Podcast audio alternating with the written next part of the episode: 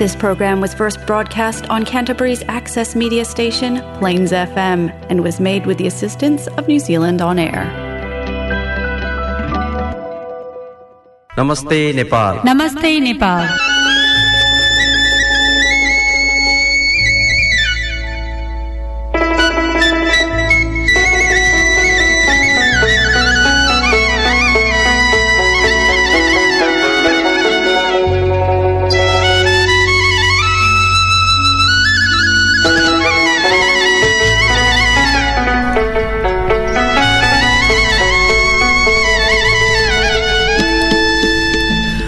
नमस्कार। Plains FM ninety six point nine mega हजमा यो हो क्राइसिसवासी नेपालीहरूको आफ्नै कार्यक्रम कार्यक्रम नमस्ते नेपाल।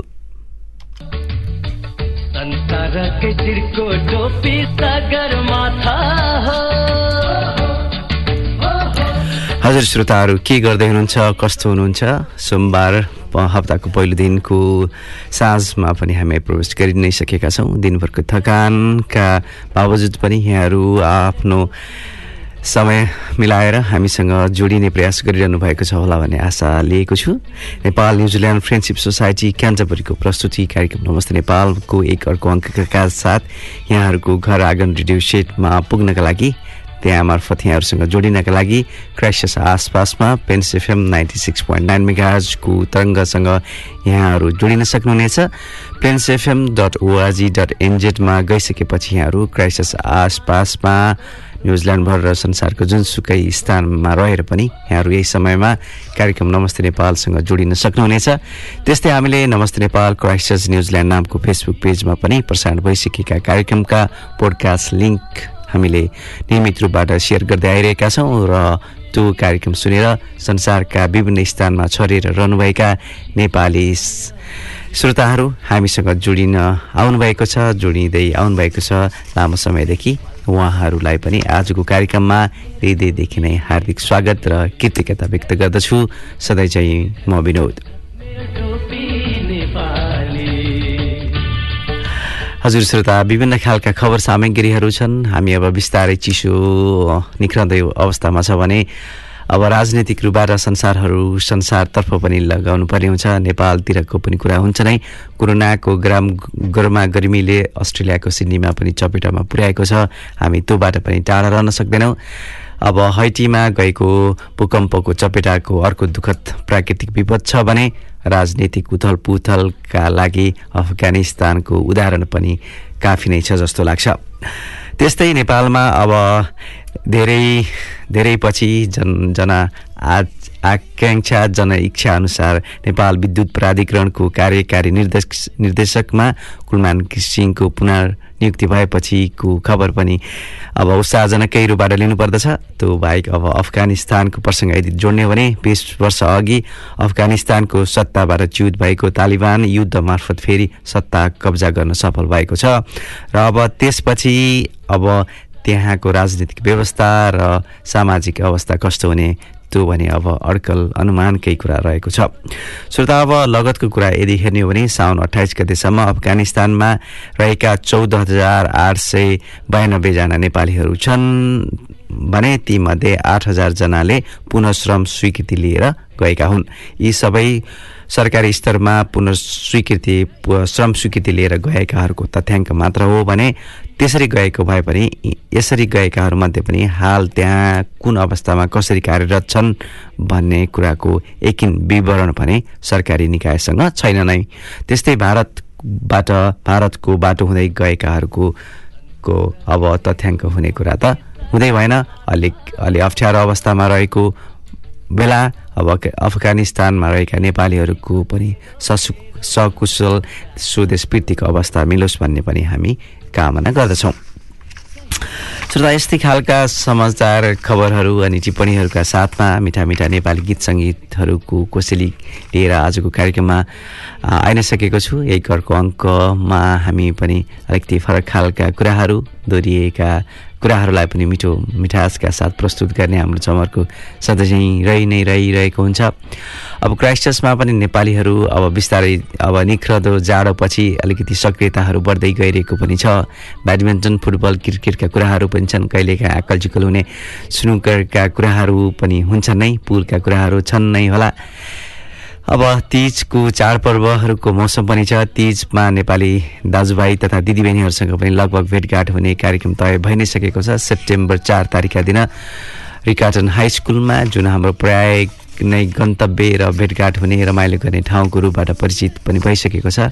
यदि यहाँहरू पनि अ, क्राइस्टस आसपासमै अनुकूल मिलाएर हामी यहाँहरूसँग भेटघाट गर्न भलाकुसारी गर्ने अनि विशेष गरी तिज मनाउनका लागि दिदी बहिनीहरूलाई पनि अलिकति उत्साह दिँदै खानपानको कुरा खा पनि छ रङ्ग रमाइलो नाचगानको कुरा त तिजमा हुने नै भयो तिजको दर खाने अवसरमा पनि यहाँहरू जुट्ने प्रयास गर्नुहोला भन्ने अनुरोधका साथ आजको कार्यक्रममा मैले अब यसरी उठ- उठान गरि नै सकेको छु अब रमाइलो गीतको साथमा आजको कार्यक्रमलाई अगाडि बढाउँछु। त्यसपछि बाँकी रहेका प्रसङ्गहरू यहाँहरूलाई सुनाउँदै जानेछु।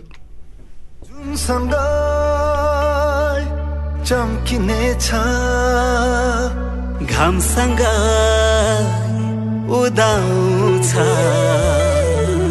फेरि पनि सुखको दिन हामी माझ मुस्कुराउँछ।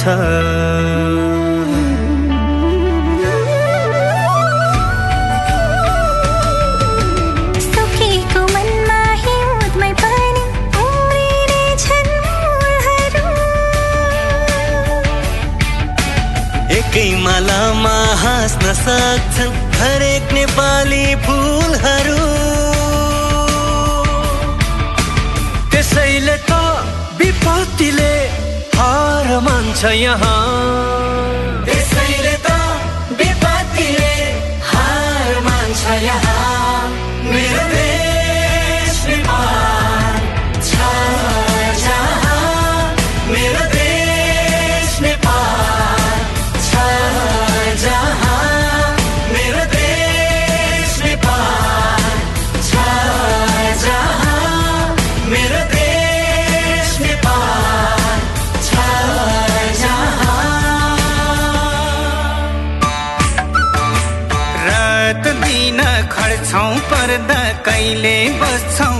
கை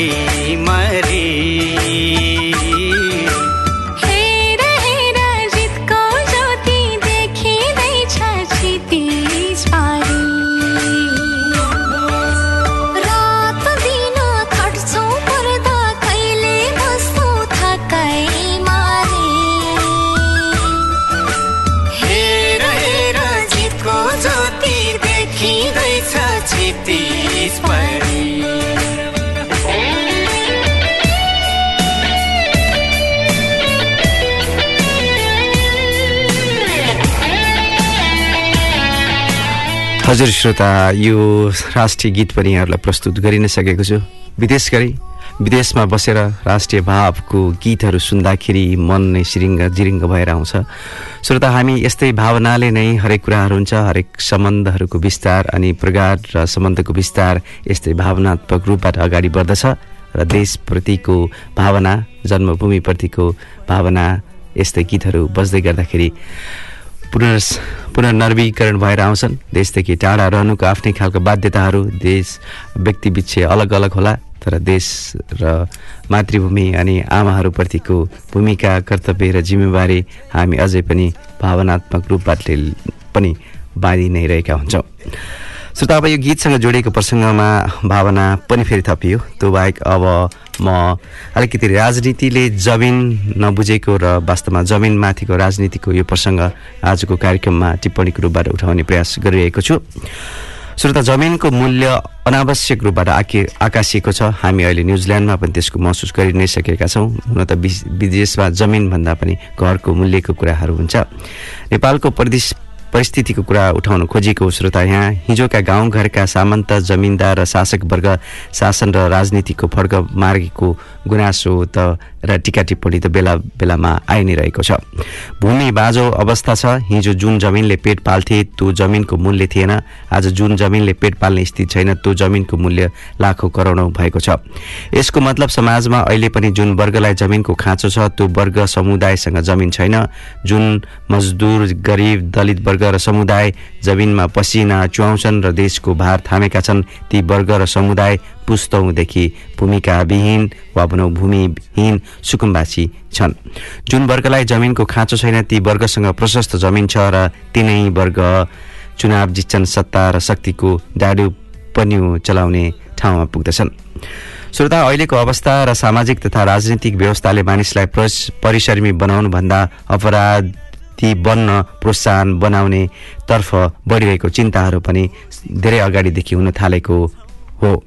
यसरी समाजमा कमजोर वर्गमाथि तहगत विभेद र उत्पीडन छ। नैतिक र मानसिक विकास गर्ने वैज्ञानिक शिक्षाको अभावमा युवा युवतीहरू कुलत र दुर्व्यसनीमा फस्दै गएका दुखेसहरू पनि बढेको बढै छ पुरानो उद्योग सुचारो नयाँ उद्योगको स्थापना श्रम शक्तिलाई रोकी व्यापार व्यापक रोजगारी सिर्जना गर्न सकिन्छ। रोजगारको लागि विदेशिनु पर्ने बाध्यता सदाका लागि अन्त्य हुन्छ। यस्तै थुप्रै विकल्पहरू हामी कहाँ छन् तर मुलुक हाँक्नेहरूको ध्यान त्यसतर्फ जान सकेको छैन। युद्धग्रस्त अफगानिस्तानमा पनि हाम्रो नेपालीहरू झन्डै पन्ध्र हजारको आसपासमा रोजगारीकै लागि विभिन्न दलालहरू मार्फत त्यहाँ पुग्नु परेको छ। मोटो रकम बुझाएर त्यहाँ जानु परेको छ। श्रोता कृषि क्षेत्रकै लगानी गर्न सकेदेखि हामी जमिनको कुरा राजनीतिले बुझेको महसुस गर्न सक्थ्यौँ होला जस्तो लाग्छ। हामी हरेक कुरामा आत्मनिर्भर भन्दा पनि परनिर्भर भइरहेका छौँ। कृषि क्षेत्रमा लगानी गरेर राज्यको अर्थतन्त्र सीमित सम्भ्रान्त वर्गको हातमा पुगिरहेको छ। अहिले पनि कुल भूमिको तिस लाख एकानब्बे हजार हेक्टर जमिनमा मात्र खेती हुने गरेको छ भने बिसदेखि पच्चिस प्रतिशत भूमि अझै बाँझो अवस्थामा छ। यसरी सही वितरण र व्यवस्थामा सरकारको ध्यानकर्षण हुनु जरुरी छ। अस्सी प्रतिशत जनसाङ जनसङ्ख्याको भविष्य जोडिएको विषयमा सरकारकोले ध्यान किन नदिने? यसरी नै जमिनमाथि राजनीति गर्ने हो भने हामीलाई सकिन धेरै समय लाग्दैन। हुन त अहिले पछिल्लो पटक नयाँ सरकारले विघटन गरेको भूमि आयोगले सङ्कलन गरेको एक एघार लाख असी हजार सात सय भूमिहीन दलित तथा सुकुम्बासी र अव्यवस्थित बसोबासीहरूको लगत सङ्कलन भएर जग्गा वितरणको तयारीमा रहेको अवस्थामा अब उनीहरूको भविष्य के हुन्छ यस्तै अन्यल भएको छ। फेरि पनि जमिनमाथि राजनीति हाबी भएको छ। अब श्रोता राजनीतिले कहाँ मात्र छोइएको छैन। अब गर्दा गर्दा पोखराको सेती नदी पनि त्यहाँबाट टाढा हुन सकेन। हुन त अहिले अदिल अदालतले त्यस कुरालाई रोक लगाइदिएको छ। यद्यपि चुन ढुङ्गा चिरेर निकै गहिराईमा बग्ने पोखराको सेती नदी धेरैका लागि आश्चर्यजनक नदी पनि हो। जमिन मुनिको सेतीलाई कतिले जोखिमपूर्ण मानेका छन् भने कतिले अर्थोपार्जनको गतिलो स्रोतको रूपबाट हेरिरहेका छन्। जोखिम प्राकृतिक हुन सक्दछ तर विपत्ति न्यू न्यूनताउने काम मानिसहरूले नै गरिरहेका छन्। पाताले छाँगो सहित सेती खोज व्यापारिक प्रयोजनका लागि चालिस वर्षका लागि निजी कम्पनीलाई दिएपछि अहिले अहिले अदालतले रोक लगाउनुभन्दा अगाडिको कुरा हो र केही वर्ष अघि गरेको एक अध्ययनले चालिस यस्ता कुराहरूलाई पोखराको भौगोलिक अवस्थालाई ध्यान नदिए ठुलै विपत्ति निम्तन सक्ने चेतावनी अब फेरि ताजा हुन गएको छ। श्रोता यसरी जमिनमाथि राजनीतिका कुराहरू पनि मैले यहाँहरूलाई जोडि नै सकेको छु। त्यसपछि अब फेरि पनि एउटा गीत यहाँहरूलाई जोड्न मन लाग्यो। त्यसपछि बाँकी रहेका प्रसङ्ग फेरि पनि उठान गर्ने नै छु। अहिले नै भने अब तिजको माहौल छ तिजैसँग जोडिएको यो गीत हुन त तपाईँको यहाँहरूलाई अलिकति अलिकति असहमति पनि हुन सक्ला। मनोरञ्जनको रूपबाट लिनुहोला। यो गीत अब यहाँहरूको लागि प्रस्तुत गर्दैछु।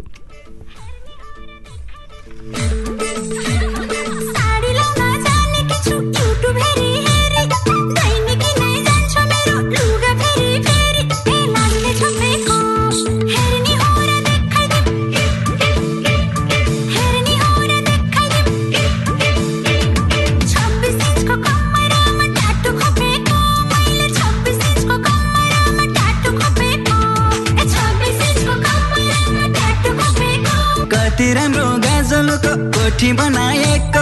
एकै दिनमा होला कतै चोटी बनाएको। लाजले छोपेको।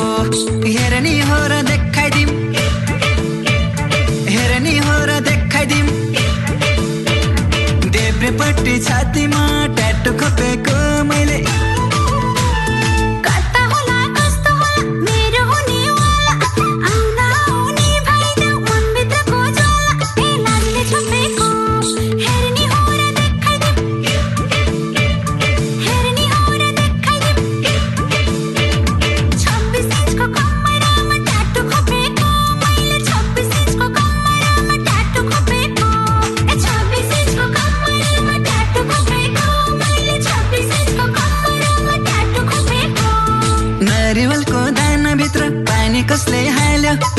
सोचेर मेरो पनि दिन र जान थाल्यो लाजले छोपेको। हेर नि हो र देखाइदिम हेर नि हो र देखाइदिम देब्रेपट्टि छातीमा ट्याटु खोपेको। मैले देब्रेपट्टि छातीमा ट्याटु खोपेको। देब्रेपट्टि छातीमा ट्याटु खोपेको। मैले देब्रेपट्टि छातीमा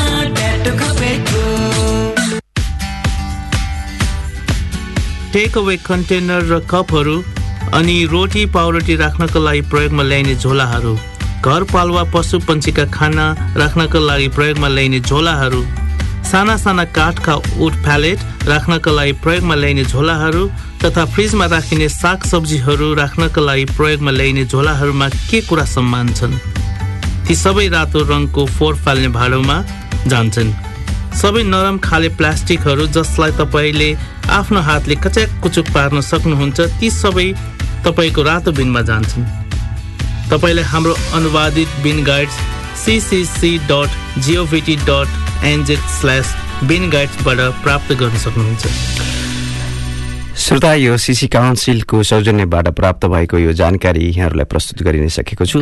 त्यसपछि अब फेरि पनि कार्यक्रम नमस्ते नेपालमा यहाँहरूलाई हार्दिक स्वागत गर्दछु। Nepal New Zealand friendship society क्यान्टबुरीको प्रस्तुति। कार्यक्रम नमस्ते नेपाल हरेक सोमबार साँझ बेलुका आठ बजे यहाँहरूले सुन्न सक्नुहुनेछ। त्यस्तै प्रसारण भइसकेको कार्यक्रमको पोडकास्ट लिङ्क हामीले Namaste Nepal Christchurch New Zealand नामको फेसबुक पेजमा पनि प्रस्तुत गर्दै आइरहेका छौँ सेयर गर्दै आइरहेका छौँ। त्यस मार्फत पनि यहाँहरू कार्यक्रमसँग जोडिन सक्नुहुनेछ।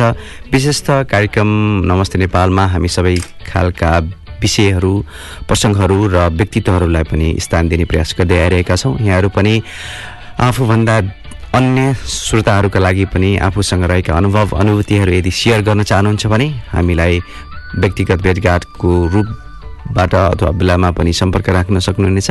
त्यस्तै Namaste Nepal Christchurch at Gmail dot कममा पनि इमेल पठाएर पनि हामीलाई सम्पर्क गरेर आफ्ना कुराहरू प्रस्तुत गर्न सक्नुहुनेछ। हामीहरूलाई समय मिलाएर आफ्नो कुरा राख्ने अवसर दिन्छौँ दिन्छौँ। त्यस्तै श्रोता साप्ताहिक रूपबाट नेपाल न्युजिल्यान्ड फ्रेन्डसिप सोसाइटीले नेपाली भाइ बहिनीहरूका लागि नेपाली भाषाको कक्षा सुरुवात गरिरहेको छ। सुरुवातभन्दा पनि निरन्तर रूपबाट सञ्चालन गरिरहेको छ। त्यस्तै ब्याडमिन्टनको क्लासहरू सञ्चालन भइरहेको छ। अनि त्यस्तै महिला दिदीबहिनीहरू अनि दाजुभाइहरूका लागि पनि संयुक्त रूपबाट योगाको अभ्यास कक्षा पनि भइरहे भइ नै रहेको छ। अब भाइ बहिनीहरूका लागि नृत्य सांस्कृतिक नृत्यको लागि पनि कक्षाको तयारी भइ नै रहेको छ। श्रोता यसरी सोसाइटीले आयोजना गरिएको र सञ्चालन गरिएको कार्यक्रममा पनि यहाँहरू संलग्न हुन चाहनुहुन्छ भने कृपया हामीलाई यो सोसाइटीको फेसबुक पेजमा सम्पर्क राख्न सक्नुहुनेछ। त्यसको लागि सोसाइटीको फेसबुक पेज फलो गर्ने प्रयास गर्नुहोला। त्यस्तै तिजको कार्यक्रमको मैले प्रसङ्ग उठाइ नै सकेको छु। तिजको गीत पनि हामीले सुनि नै सकेका छौँ रिकार्टन हाई स्कुलमा शनिबारको दिन छ सेप्टेम्बर चार तारिकका दिन। तिजको दर खाने कार्यक्रम कृपया त्यहाँ आउने प्रयास गर्ने गर्ने प्रयास गर्नुहोला र रमाइलो गर्दै तिजको दर खाँदै रमाइलो तरिकाले नाच्ने प्रयास गरौँ। श्रोता हामीले यो बाहेक नेपाली साहित्य समाज न्युजिल्यान्डको संयोजनमा प्राप्त भएका हामीले नेपाली शब्दहरू विशेष गरी अलिकति प्रयोगमा कम रहेका शब्दहरूको विषयमा पनि हामीले यहाँहरूलाई तात्पर्यको विषयमा जानकारी दिने प्रयास गरिरहेका हुन्छौँ। आजको शब्दहरू रहेका छन् छेउछाउ र घुर्न। छेउछाउ अलिकति सजिलो जस्तो भयो। छेउछाउ भन्नाले नजिकको ठाउँ वा बस्तीलाई छेउछाउ भनिन्छ। छेउ कुना कुनाकानी अथवा छेउ नै रहेको वरपर नजिक रहेको कुरालाई पनि हामीले छेउछाउको रूपबाट बुझिन्छ। त्यस्तै श्रोता घुर्न भन्नाले यताउति घुम्ने कामलाई घुर्नको रूपबाट बुझिन्छ। कुनै वस्तुको चारैतिरको चक्कर कटाइलाई पनि घुर्नको रूपबाट बुझिन्छ। वास्तवमा सजिलो रूपबाट बुझ्ने हो भने विशेषणको रूपबाट घुमेको कुरालाई पनि घुर्नको रूपबाट बुझिन्छ। श्रोता नेपाली साहित्य समाज न्युजिल्यान्डलाई यसरी शब्दको संयोजन गरिदिनु भएकोमा हृदयदेखि नै धन्यवाद दिन चाहन्छु। त्यस्तै अब अन्य प्रसङ्गहरूतर्फ कुरा उठाउँदाखेरि अब यस हप्ता परेका विशेष दिनको प्रसङ्गको कुरा गर्दाखेरि आउँदो आइतबार विशेष दिन परेको छ जनै पूर्णिमा। नाग पञ्चमी पछिको दोस्रो चाड त्यसपछि त हामी तिजमा प्रवेश गरि नै हाल्छौँ। त्यसपछि दसैँ तिहारका कुराहरू आइ नै हाल्छन्। जनै पूर्णिमा भन्नाले धागो र बन्धनको चाड हो श्रोता धागो अर्थात् बन्धन पवित्रता र सुरक्षाको बन्धन हुन्छ। ब्राह्मण र क्षत्रिय पुरुषहरूले हिन्दू परम्परा अनुसार योग्य पवित्र अर्थात् जनै लगाउने चलन रहिआएको छ। र आउँदो आइतबारकै दिन अब हातमा रक्षाबन्धनको धागो पनि लगाउने गरिन्छ। कतिपयले आफू आफ्नै गुरु पुरोहित कहाँ गई वा भनौँ मठ मन्दिरमा गएर रक्षाबन्धन बाँध्ने गर्दछन्। भने दिन दिदीबहिनीहरूले आफ्ना दाजुभाइका दाहिने हातमा नाडीमा दीर्घायु र सफलताको कामना गर्दै रङ्गी चङ्गी धागो र फुल जडिएको राखी लगाइदिने चलन चल्दै आएको छ। हुन त श्रोता बाल्यकाल पश्चात विधि विधिपूर्वक व्रत बन्द कर्म सम्पन्न गरिसकेपछि गुरु पुरोहितद्वारा अरूले नसुन्ने गरी कानमा गायत्री मन्त्रको उच्चारण गरिसकेपछि एउटा निष्ठामय धर्म र सत्यको बाटो अवलम्बन गर्ने दृढ सङ्कल्प लिएर देब्रे काँधमाथि पर्ने गरी दाहिने हातको मुन्तिर पारेर गुरु पुरोहितले मन्त्रेर तयार पारेको जनै ग्रहण गरिन्छ। जनै पूर्णिमाको दिन र नयाँलाई पुरानो पुरानोलाई नयाँले सारिन्छ अथवा साटिन्छ भनौँ न। त्यस्तै श्रोता यो दिन नेपाल भाषामा गु पुनी भनेर पनि चिनि चिनिन्छ। नेपाल नेवार समुदायले यो दिनलाई गुवा गुला महिनाको पुनी अर्थात् गोपुनी भनेर पनि मनाउँदछन्। यसै अवसरमा उपत्यकाका विभिन्न सहरका बहाल बिहारमा बिहार बिहारमा दीपशङ्कर बुद्धका मूर्ति एवं यससँग सम्बन्धित अरू मूर्ति र सामानहरूको प्रदर्शन राख्ने गरिन्छ। श्रोता यो विदेशमा कति कुराहरू व्यवहारिक छन् छैनन् त हामीले त्यही अनुसार बुझ्ने बुझाउने कुराहरू अब त्यही पनि आफ्ना संस्कृतिहरू आफ्नो बुझाइहरूलाई भावनात्मक रूपबाट पनि बुझ्दै र अनुकरण र पुनरावृत्ति गर्दै जानुपर्छ भन्ने लाग्छ। अब त्यस्तै जनै पूर्णिमा पूर्णिमासँग जोडिएको अब छुटाउनै नहुने कुरा भनेको क्वाटीको कुरा पनि हो।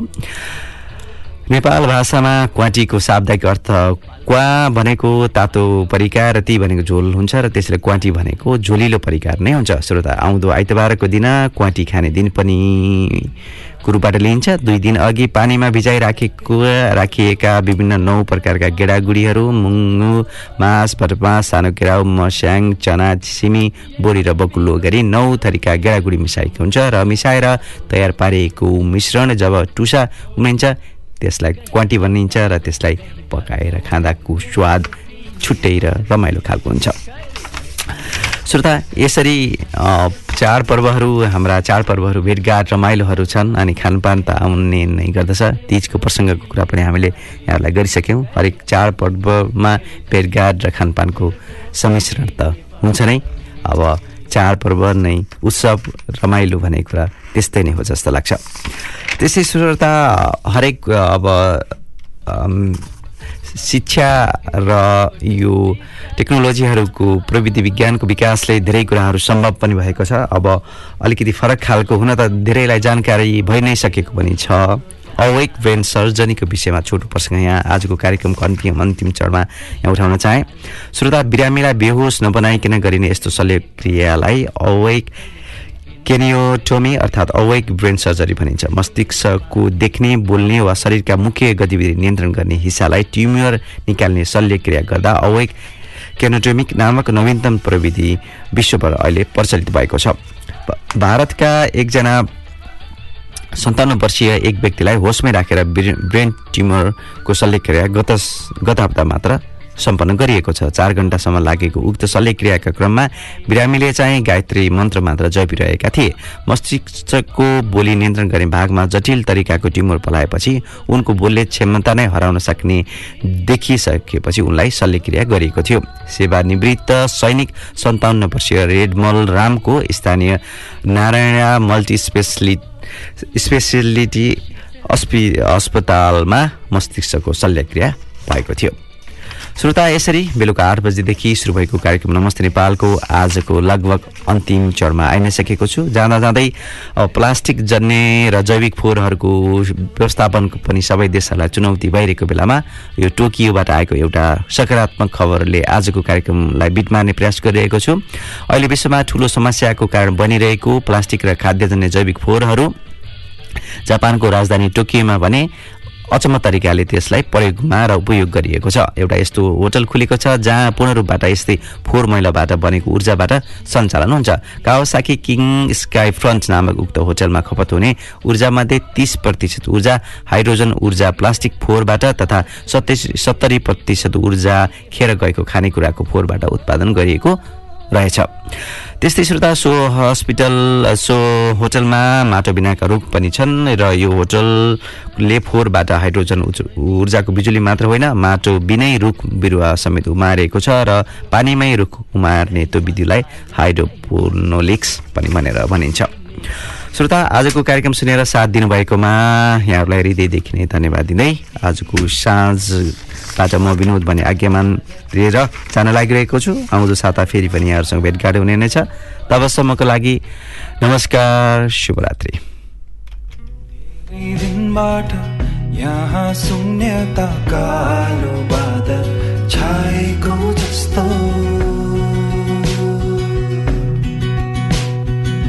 ए साथी तिमी कहाँ छौ? भन न लामो नै हो सानो छँदा हामी खेल्ने गर्थ्यौँ। त्यो गल्लीमा छिमेकी कराउँथे साह्रो। आजको कता छ को कता छ तर मनले मेरो बाल्यकाललाई पुकार्यो। खोजिरहेको छु दिनहरू जवानीले कहाँ पुऱ्यायो बाटो छ बेग्लै तर भेट्ने छौँ हामी निराश हुनु पर्दैन भो नमस्ते नेपाल नमस्ते नेपाल